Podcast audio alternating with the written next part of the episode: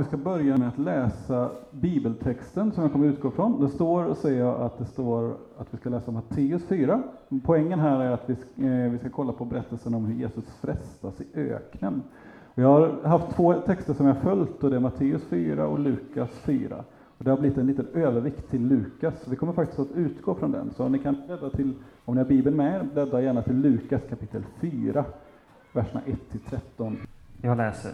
Uppfylld av den helige Ande återvände Jesus från Jordan och leddes av Anden omkring i öknen, där han frestades av djävulen i 40 dagar. Under de dagarna åt han ingenting, och när det var slut blev han hungrig. Då sa djävulen till honom, om du är Guds son, så befall den här stenen att bli bröd. Jesus svarade honom, det står skrivet, människan lever inte bara av bröd. Då tog djävulen med honom högt upp och visade honom för ett ögonblick världens alla riken. Och djävulen sa, dig ska jag ge all denna makt och deras härlighet, för den är överlämnad åt mig och jag ger den till vem jag vill. Så om du tillber mig blir allt ditt. Jesus svarade, det står skrivet, Herren din Gud ska du tillbe och endast honom ska du tjäna. Sedan tog djävulen med honom till Jerusalem och ställde honom på tempelmurens krön och sa till honom, om du är Guds son, så kasta dig ner härifrån. Det står ju skrivet, han ska befalla sina änglar att bevara dig, och de ska bära dig på sina händer, så att du inte stöter din fot mot någon sten. Jesus svarade honom, det är sagt, du ska inte fresta Herren, din Gud. När djävulen hade frestat honom på alla sätt lämnade han honom för en tid. Så lyder det heliga evangeliet. Lovad vare Gud Kristus. Vet ni vad som är spännande med ökenvandringar i Bibeln? Eller, dum fråga. Eh, det finns många saker som är spännande med ökenvandringar. De är rätt så vanliga faktiskt. När man läser inte minst Gamla Testamentet så ser man att öken dyker upp rätt så ofta. Kan ha en del med geografin att göra, men det har också med lite andra saker att göra. När man tittar på orden för öken i Bibeln så är inte de, hör och häpna, en geologisk term. Vi vill väldigt gärna definiera, liksom, men vad är en öken? Ja, men eh, en definition på en öken, och det hänger med nu, det är att det ska ha en låg nederbörd och det ska ha en medeltemperatur på över 30 grader Celsius de varmaste sex månaderna på året. Har vi det så har vi en öken. Men vet ni vad? När man tittar på orden eh, i grekiska och hebreiska så har det ingen eh, egentlig geologisk bemärkelse när man talar om orden. Utan istället så handlar orden om någonting helt annat. Det som orden är ute efter att beskriva handlar snarare, skulle kanske enklast kunna översättas med ensamhet, ensamhetens vildmark eller något sådant. Midbar på hebreiska betyder just eh, ödes, ödeland. Det finns ett vackert, väldigt fint eh, passivt verb för alla som tycker det är roligt, till exempel jag, Eh, som heter eremomai på, eh, på grekiska. Det är ett passivt verb och det betyder att vara förrödd. Det är samma rot som grekiskan, att vara övergiven, att vara fruktlös eller något sådant. Och det handlar om mark. Då. Eh, och när vi talar om öken, som vi kommer att tala här om en del, då kan vi tänka, ha med det. Problemet med öken handlar inte om geologi. Det handlar om ensamhet och det handlar om utsatthet. Och jag tänker att det är en ganska bra sak att ha med sig in här, för att eh, direkt när det kommer öken på olika sätt så får vi med oss att det finns en utmaning med i bibelordet.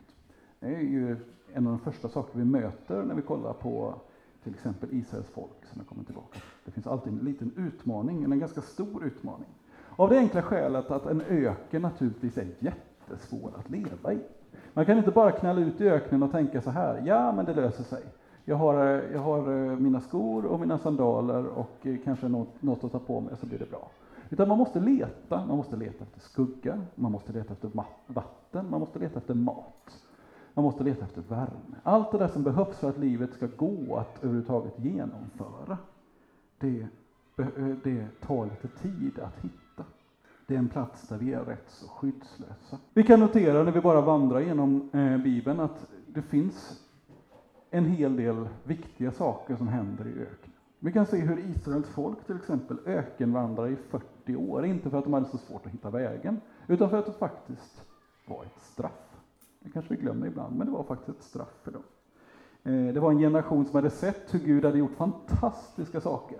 Hade lett dem ut ur Egypten, delat Döda havet, befriat dem från slaveriet, allt, hela det. Och sen så glömde de det ganska snabbt. Och då var det faktiskt ett straff. Å andra sidan så är det inte alltid det. Imorgon tror jag att du kommer höra ganska mycket om hur Gud leder ut Israel och talar eh, till henne med ljuva ord, som det, eh, som det står i profeten Hosea, eh, under de här dagarna. Och därför låter jag det vara, utan det är inte alltid negativt. Och läser vi vidare i, Eh, så kan vi komma till profeten Jesaja i kapitel 35. Där finns det en, ett messianskt hopp, ett hopp att när Messias kommer, den utlovade, då, min sanna dag, då kommer det hända någonting. Det står till exempel så här i Jesaja 35. Öken och ödemark skall jubla. Det förtorkade landet ska glädjas och blomma. Som en äng med liljor skall öken blomma. Förbränt land, det ska bli sjö.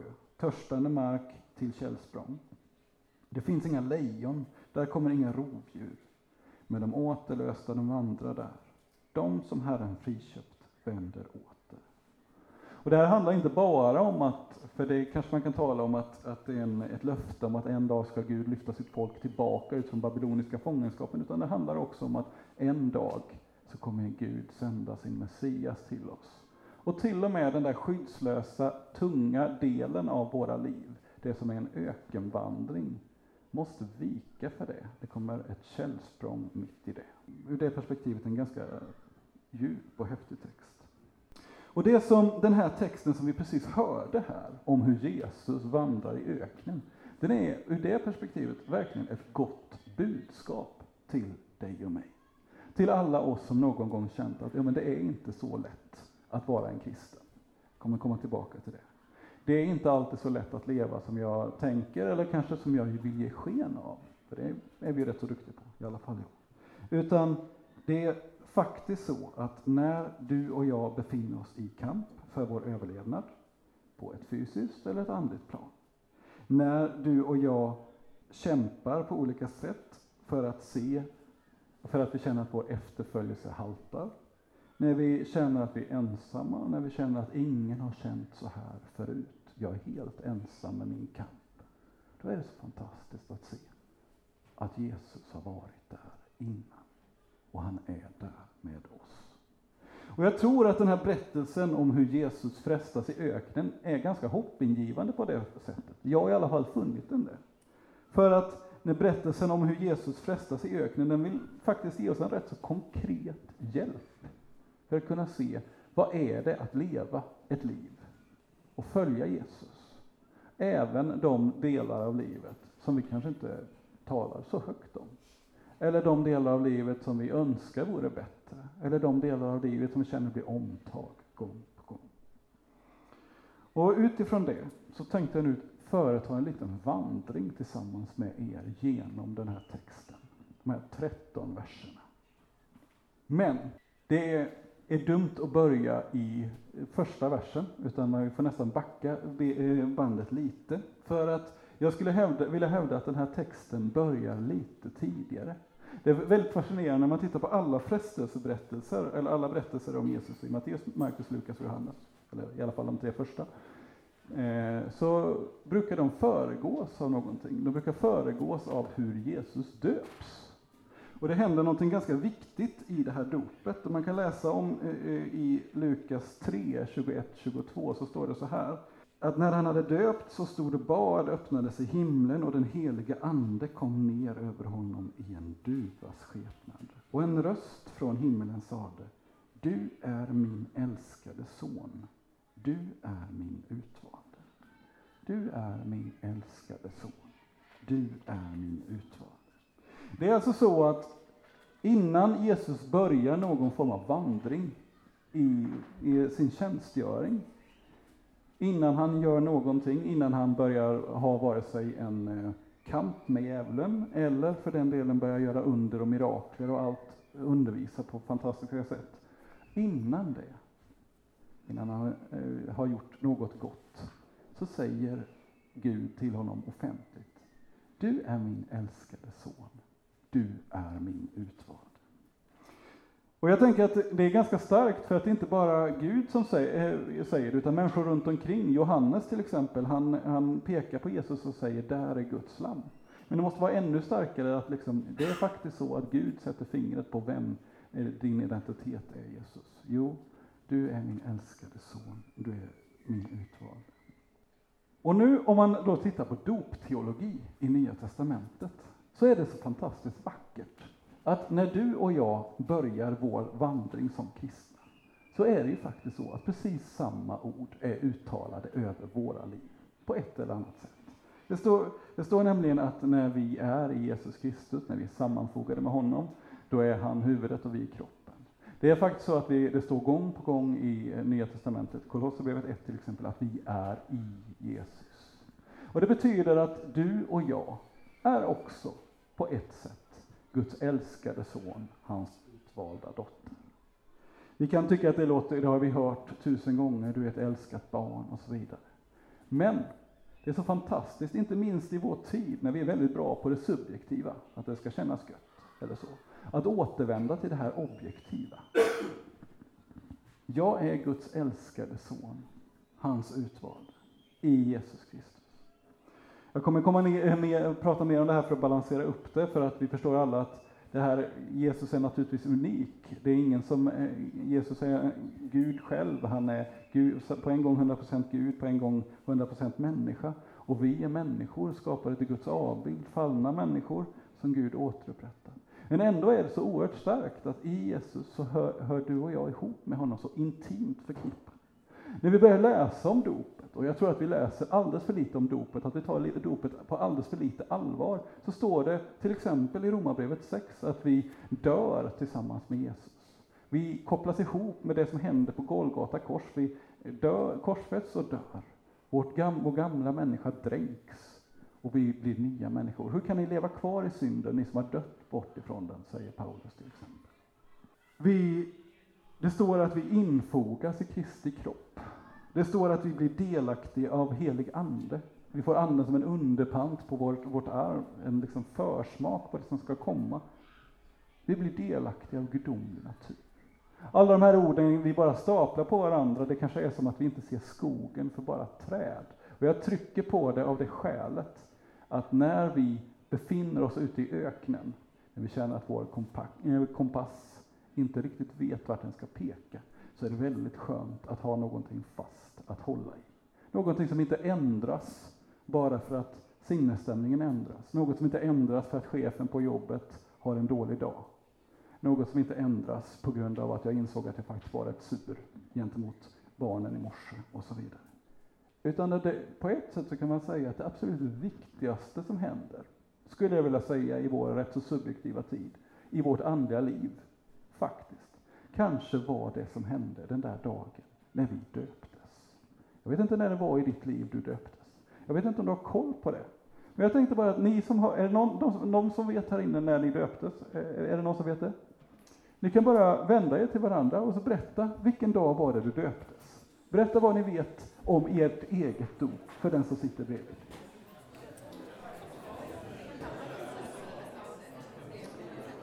Ni som inte vet det, jag tänkte faktiskt ge er utmaningen att eh, ta reda på det. Tänk vad skönt att veta att eh, den 19 november, det har jag tänkt på många gånger, 19 november 1982 så döptes jag. Det råkade faktiskt vara internationella mansdagen. Jag visste inte ens att det fanns. Ändå är det faktiskt ganska skönt att hålla fast vid. Jag är döpt, jag ligger där med blött hår. Jag är ingenting romantiskt överhuvudtaget med mig. Men jag är döpt. Det är fantastiskt starkt. För det är ju faktiskt så att den nåd som har burit oss hit, den räcker ända fram. Nästa sak som jag vill eh, lyfta fram här är att Jesus vandrar ut i öknen. Eh, Jesus återvände från Jordan uppfylld av helig ande och ledd av anden var han 40 dagar ute i öknen. Det finns en eh, rätt så intressant dubbelhet här, att, att det faktiskt står att Jesus var uppfylld av den helige Ande och att han leddes av den helige Ande och att han leddes av den helige Ande ut i öknen. Det var ju inte så att han leddes in till exempel till att börja en väldigt stark känsla av helande, eller hur? Det kom sen. Det var inte heller så att han började med att eh, genast eh, liksom helga vilodagen eller något annat gött. Och judisk kultur är verkligen fantastisk på att helga vilodagen och liksom oerhört livsbejakande på detta sätt. Det var inte där han började, utan han gick in i det som är en omskrivning i Bibeln för det allra svartaste och svåraste, när den helige Ande ledde honom. Det är någonting vi kanske sällan pratar om, men den här delen av, och jag vet inte alltid varför Gud, varför det blir som det blir. Jag tror inte att Gud alltid leder oss in i det som har blivit. Det finns också det som är ont i världen naturligtvis. Men vi kan också se att det faktiskt händer att när du och jag följer Jesus, så händer det att vi finner att vi är i en öken. När du och jag följer Jesus så händer det att vi finner att vi är i en öken. Jag hade tyckt det varit väldigt skönt om det inte hade stått, stått så. Det hade varit skönt om det hade stått kanske att Jesus hade gått fel. Eller hur? Eller att han inte hade så bra koll på kartan eller något sånt. Men det gör inte det. Det står att den helige Ande själv ledde Jesus ut i öknen. Och det här är ju samtidigt dubbelt, för det är också ett glatt budskap, det är ett gott budskap. För poängen är ju att Jesus finns inte bara i de delar av livet som är goda. När vi ser hur allting går fantastiskt bra, när vi ser hur allting bara flödar på, utan Gud finns, Jesus finns i det allra mörkaste och allra svåraste. Det som vi kanske inte riktigt kan tala om på något Också paradoxalt nog, utan att säga att det alltid är Guds vilja, det, onda som sker, för det tror jag inte att det är. För vi tror inte att allting bara sker och att allting är förutbestämt, utan vi tror att vi har, i viss mån har en fri vilja och så vidare. Så är det ju faktiskt också så att vi paradoxalt nog kan märka allra mest av Guds närvaro i de svåra tiderna i livet, kanske. Det är så mycket som händer. Det är saker som jag önskar inte hade hänt kanske. Men jag kan också se i de tiderna att, ni vet som den här, eh, man ofta ser fotspår i sanden, att när det var som allra tyngst, då bar jag dig. Det är en väldigt mänsklig erfarenhet, en av kyrkans erfarenheter, att det är klart att det är helt fruktansvärt, alla, eh, allting som kyrkan har utsatts för, all förföljelse, all, allt övervåld på olika sätt. Ändå så kan vi se att kyrkan har vuxit och vuxit och vuxit genom all den här kampen. Och vi kan se att vi som kristna faktiskt, mitt i vår öken, öken kan finna att Jesus, att eh, Jesus möter oss ute i öknen i det allra svåraste och faktiskt låter oss växa, inte bara som kristna utan också som människor. Men jag tänker att i den här, när vi är där ute i öknen, när vi har gått tillsammans med Jesus och funnit att nu är vi faktiskt mitt ute i öknen, så är det så. Och det här är en fantastisk sak med det det står här, att vi är inte ensamma där, utan Jesus är med oss. Och det står om Jesus i Johannesevangeliet att han är Eh, ungefär att det står att ordet blev kött och bodde bland oss. Det här ordet bodde, det är samma ord som används om tabernaklet, ni kommer ihåg, skemä. Gud själv tältade bland sitt folk i Jesus Kristus. Och det är nog ganska medvetet här. Och det är faktiskt så att när Israels folk gick genom öknen, så finner de att på den här rätt så svåra vägen, som inte alls är enkel och de klagar ofta på Gud och ni kan hela historien, så, så är det faktiskt så att Gud mitt ibland dem väljer att bo. Väljer att ge, eh, resa upp en plats där det inte bara finns försoning, utan det finns där all Guds härlighet och all Guds ljuvlighet och all Guds helighet vilar mitt ibland folket. Gud ger helt enkelt folket föda så att de ska orka hela vägen genom öknen. Och där du och jag går, följer Jesus genom öknen, så är det så att i Jesus så har du och jag också fått föda. Reformatorerna talade ofta om hur viktigt det var att se att när ordet finns, när sak sakramenten förvaltas, då får vi människor liv, när och var det behagar Gud, som det står. Och det är ju så att ju tyngre det är, desto mer måste vi äta. Ni vet de där dagarna när man vet att jag måste bara ta mig igenom den här dagen. Tänk att då är det rätt så viktigt i den, de tiderna med att äta och sova. Jag tror att det rent andligt är så också. när vi känner att vi inte vet hur ska vi orka oss igenom den här perioden, att då faktiskt den tiden vara noggranna med också sådana saker som att öppna min bibel, be min morgonbön eller aftonbön eller varför inte både och.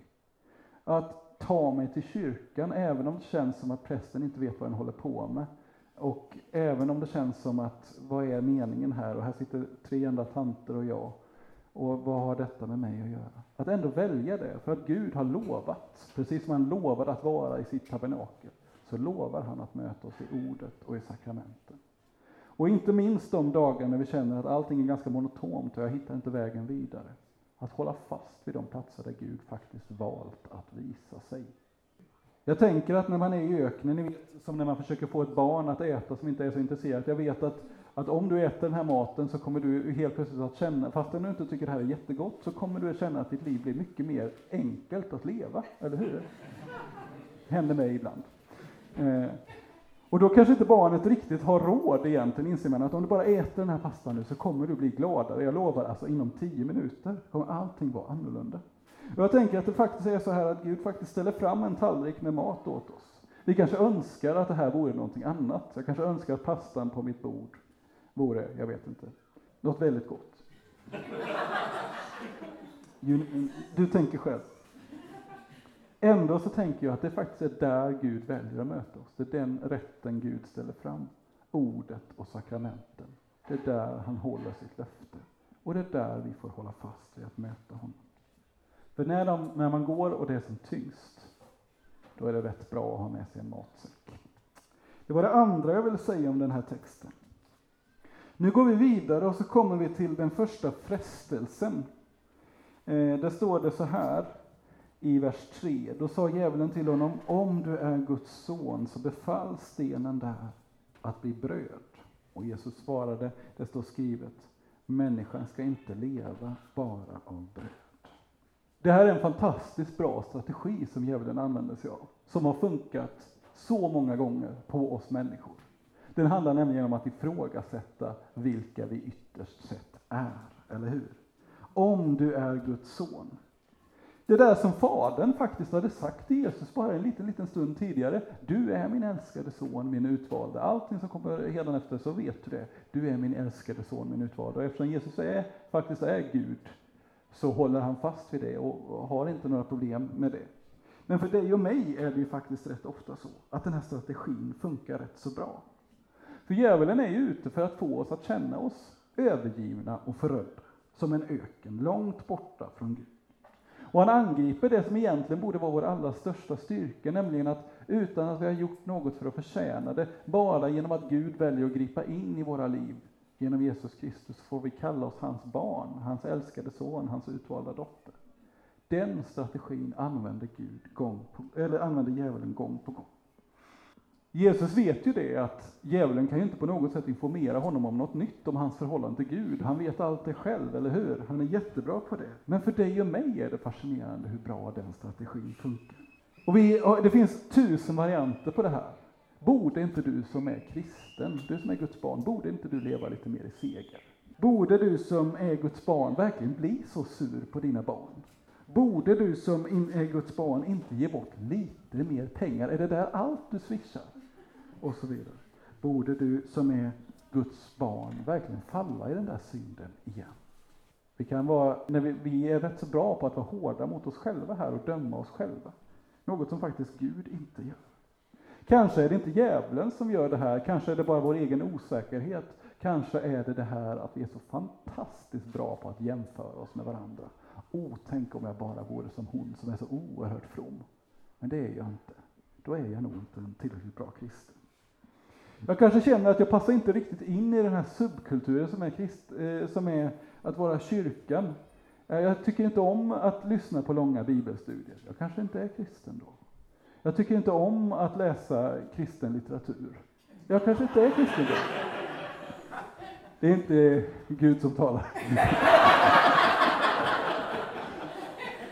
Jag gillar ju inte ens ordvitsar. Jag kanske inte ens är kristen då. Hur ska detta gå? Men ändå så är frestelsen för oss lika väl som det var för Jesus, det var bara att Jesus inte föll i det, på något sätt att, att vi glömmer det här som Fadern faktiskt sa till oss, sa ut över våra liv. Du är min älskade utvalda son eller dotter.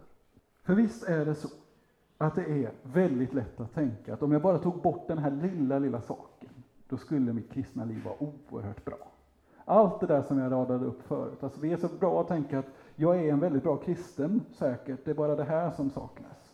Och så är det bara det att vi aldrig kommer dit. Men det Jesus gör, som är så oerhört befriande, är att han spelar inte ens djävulens spel, för han vet ju det. Att djävulen har inget nytt att informera. Vår synd, vårt kött har ingenting, världen har ingenting att informera oss om när det kommer till vår relation med Gud. För den enda som kan informera någonting om vår relation med Gud, det är Gud själv. Och han säger, du är min älskade son, min utvalda dotter. Vi går vidare i texten, vi kommer till den andra frestelsen. Djävulen förde honom högt upp och lät honom ett ögonblick se alla riken i världen och sa till honom, jag ska ge dig all denna makt och härlighet, till den har lagts i mina händer och jag kan ge den åt vem jag vill. Om du tillber mig så skall allt detta bli ditt. Jesus svarade, det står skrivet, Herren din Gud ska du tillbe och endast honom ska du dyrka. Den här är intressant nog i Matteus eh, evangeliet så är det här den sista frestelsen, alltså den som är liksom kungsfrestelsen om man säger så. Kanske har det att göra med att Matteus och Lukas har lite olika tendenser. Matteus vill väldigt gärna betona att Jesus är den messianske kungen, har vi kanske noterat. Och Lukas har ett lite annat fokus på sitt evangelium. Men Ändå så är det så här att den här frestelsen handlar ju ytterst sett om vem är din Gud? Vem är det viktigaste för dig ytterst sett? Men vi kommer säkert ihåg i det här sammanhanget Luthers betoning av, eller förklaring av vem som är vår egentliga Gud, alla vi människor. Och den, jo menar Luther, det är den du ytterst sett tar din tillflykt till när allt annat sviker. Det är dit jag går när jag behöver skydd. För någon av oss är det kanske en relation, för någon av oss är det kanske pengar, för någon av oss är det något det eller det eller det. Och grejen är att det är bara egentligen Gud som kan vara vår Gud, den vi ska ta vår yttersta tillflykt till. Och Jesus vet ju detta, han vet att vi inte ska tillbe någon annan än Gud. Det är ju naturligt, han är själv Gud, han vet allt om detta. Men för dig och mig så kanske den här frestelsen kan bli ganska svår. Det var någon som hade lagt upp en väldigt snygg bild på Facebook där man hade ryckt detta ur sitt sammanhang och någon hade skrivit bara vers 6 och 7.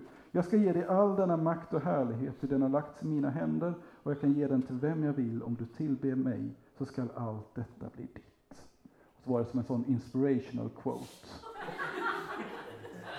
Ja, du vet att om du bara, eh, om du bara ber rätt så får du allt. Jag tänker att den här eh, Jesu vandring i öknen och Jesu korsdöd och tortyr och allt sånt där, det är ju egentligen en ganska bra Eh, vaccin mot all form av framgångsteologi egentligen. För att det här med att följa Jesus, det är inte enkelt, det är aldrig bekvämt på något sätt. Men däremot så ger det liv, och det kan inget annat ge. Och där så kommer det kanske ner till också att vi får ställa en lite vass fråga till oss själva. Är, varför är vi egentligen kristna? Vad är det som vi är ute efter när vi är kristna? Och jag tänker att en del i öknen är att vi faktiskt slipas av ökenvandringen. Vi ställer de här lite jobbiga frågorna till oss själva.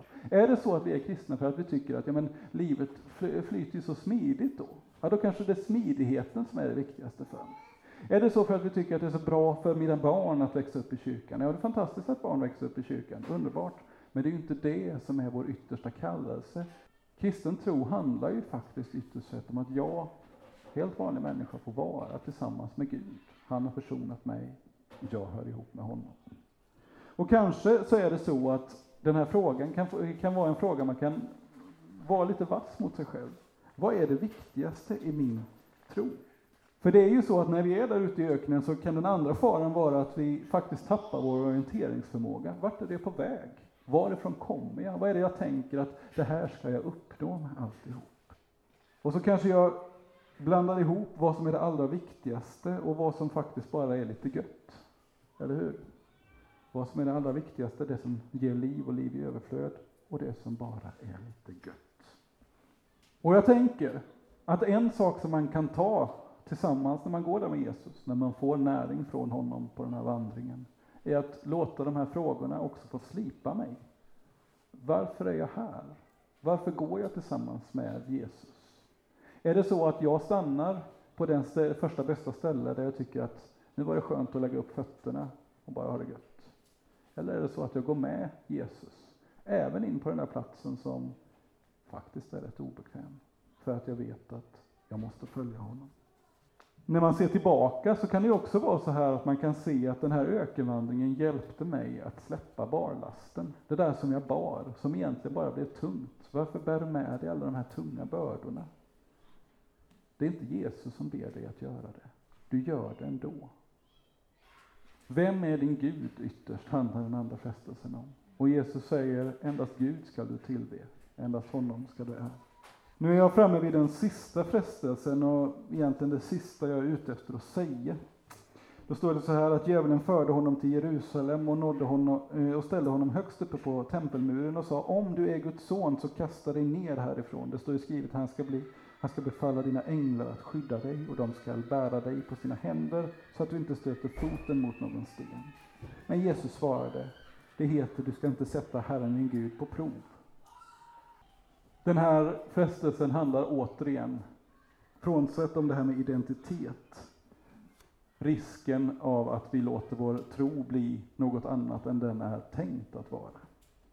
Man tänker att, eh, som jag förstår den här, eh, när jag försöker eh, gräva djupare i vad är, vad är frågeställningen här, så handlar ju ytterst sett detta om att Jesus skulle bli en stjärna lite av fel anledning, om ni fattar vad jag menar. Det hade varit väldigt snyggt om Jesus hade liksom bara flugit ner där och tagit tre varv runt tempelplatsen och sen landat i Salomos pelarhall och alla bara sagt wow, fy vad häftigt. Och faktiskt är det så att det finns något apokryft evangelium, jag tror det är gnostiska Thomas-evangeliet, jag kan ha fel där. Säkert en sån sak som Anna-Sofia kan få fråga henne imorgon Men där Jesus faktiskt flyger. Och så kan man tänka, det låter ju jättehäftigt. Varför, gjorde, varför säger kyrkan att det är fel att Jesus gjorde det då? Jo, men det handlar ju om att, eh, hur vi känner igen Jesus. För det som är alldeles fascinerande med Jesus är ju att fast han har all makt i himlen och på jorden, så väljer han, som är kungars kung och herrars herre, som kan göra allting. Han väljer inte att använda all sin makt för att showa, eh, showa på något sätt. Han använder den för att tjäna.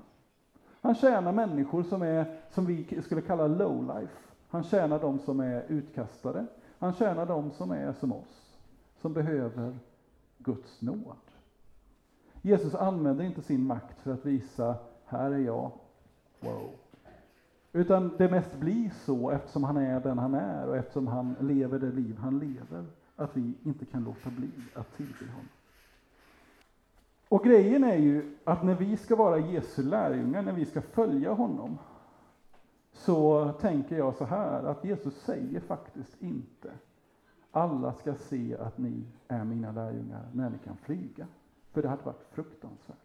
Utan han säger alla ska se att ni är mina lärjungar när ni visar varandra kärlek. Jesus bjuder in oss till den här att följa honom, att eh, slipas av ökenvandringen så att vi ser att våra liv handlar ytterst sett inte om att vara rätt så glassiga, att, att liksom kunna göra fantastiskt coola andliga trick, eller vad man ska säga. Det är inte det som är poängen. Utan vad vi än gör, om det är en nådegåva att hela någon, eller om det är att jag bär stolar, eller om jag duschar någon som är sjuk, eller om jag skriver fantastiskt avancerad kod på jobbet. Jag vet inte vad du gör så är det ändå så att vad vi än gör, så vi kallar det att göra det för att tjäna, inte för att showa. Och jag tänker att det här är en fantastiskt utmanande av Jesus. Han hade all möjlighet att faktiskt kunna showa, men han valde att tjäna. Och när vi följer Jesus, när vi går ut genom öknen och ut på andra sidan, så får vi göra det som tjänare. Det är inte alls särskilt häftigt, tänker jag. De allra flesta dagar är faktiskt rätt grå och rätt så trista. Och det är precis det som är det underbara med inkarnationen. Jesus väljer alla de här grå och helt vanliga dagarna att vara Guds son mitt ibland oss. Och vi får vara kyrkan mitt ibland, mitt i världen. Precis på de premisserna. Allt det där som inte är så enkelt, som bara är rätt så vanligt. Där möter Gud oss. Det är rätt så vackert och rätt så starkt. Och därför så tänkte jag sluta den här stunden med Guds där jag började, nämligen i dopet. För det är ju faktiskt så här att vi infogar, är infogade i Guds nåd. Det som är underbart med dopet är att vi kan göra det här med att dricka, dricka kaffe till exempel till en gudstjänst. Helt underbart. Allting vi gör får vi göra till Guds ära. Allting vi är får vara till Guds ära. Och jag tänker att jag faktiskt skulle vilja inbjuda er till en sak. Igår så fick jag nämligen en sak på posten som var väldigt fin och det är Artos nya mässbok, fantastiskt fin, kostar bara 800 spänn, vi borde ta in den till bokbordet, jag bara säger det. Eh, och i den så finns det en helt underbar eh, liten rit, skulle man kunna säga, gudstjänstordning för dopförnyelse. Eller, och det handlar inte om att man döper sig igen, utan snarare doppåminnelse. Utan att jag bara påminner mig om att jag är döpt i Jesu namn. Och jag är kallad att vara Jesu lärjunge precis där jag är.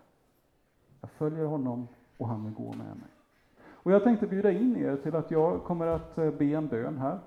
Och sen så får man gärna komma fram och jag kommer att teckna kors, ett korstecken i pannan. Det här är inte ett, eh, ett nytt dop, absolut inte, utan en påminnelse om det dop du är döpt med. Och jag kommer att säga de här orden som sades över ditt liv när du döptes. Jesus Kristus kallar dig att vara hans lärjunge. Om du vill komma fram och eh, ta emot det korstecknet så gör det. Om du inte vill det så gör det inte. Men eh, jag tänkte faktiskt be en bön och ni får gärna be tillsammans med mig. Gud vår far, vi prisar dig för att du i begynnelsen lät din ande sväva över vattnet. Genom ditt ord skapade du världen och lät livet bli till. Och du såg att allt var mycket gott. Genom flodens vatten räddade du Noa och hans familj. Genom havet befriade du ditt folk Israel från slaveriet. I Jordanfloden döptes din son av Johannes och smordes med helig ande. Genom vatten och ande blir vi dina barn och Kristi medarvingar. Välsigna detta vatten och låt det bli en påminnelse om vårt dop. Låt en nåd och barmhärtighet komma oss till mötes och låt den levande vattnet bryta fram också i oss som är en källa till evigt liv. Så att vi med rent hjärta kan nalkas dig. Genom Jesus Kristus, vår Herre. Amen.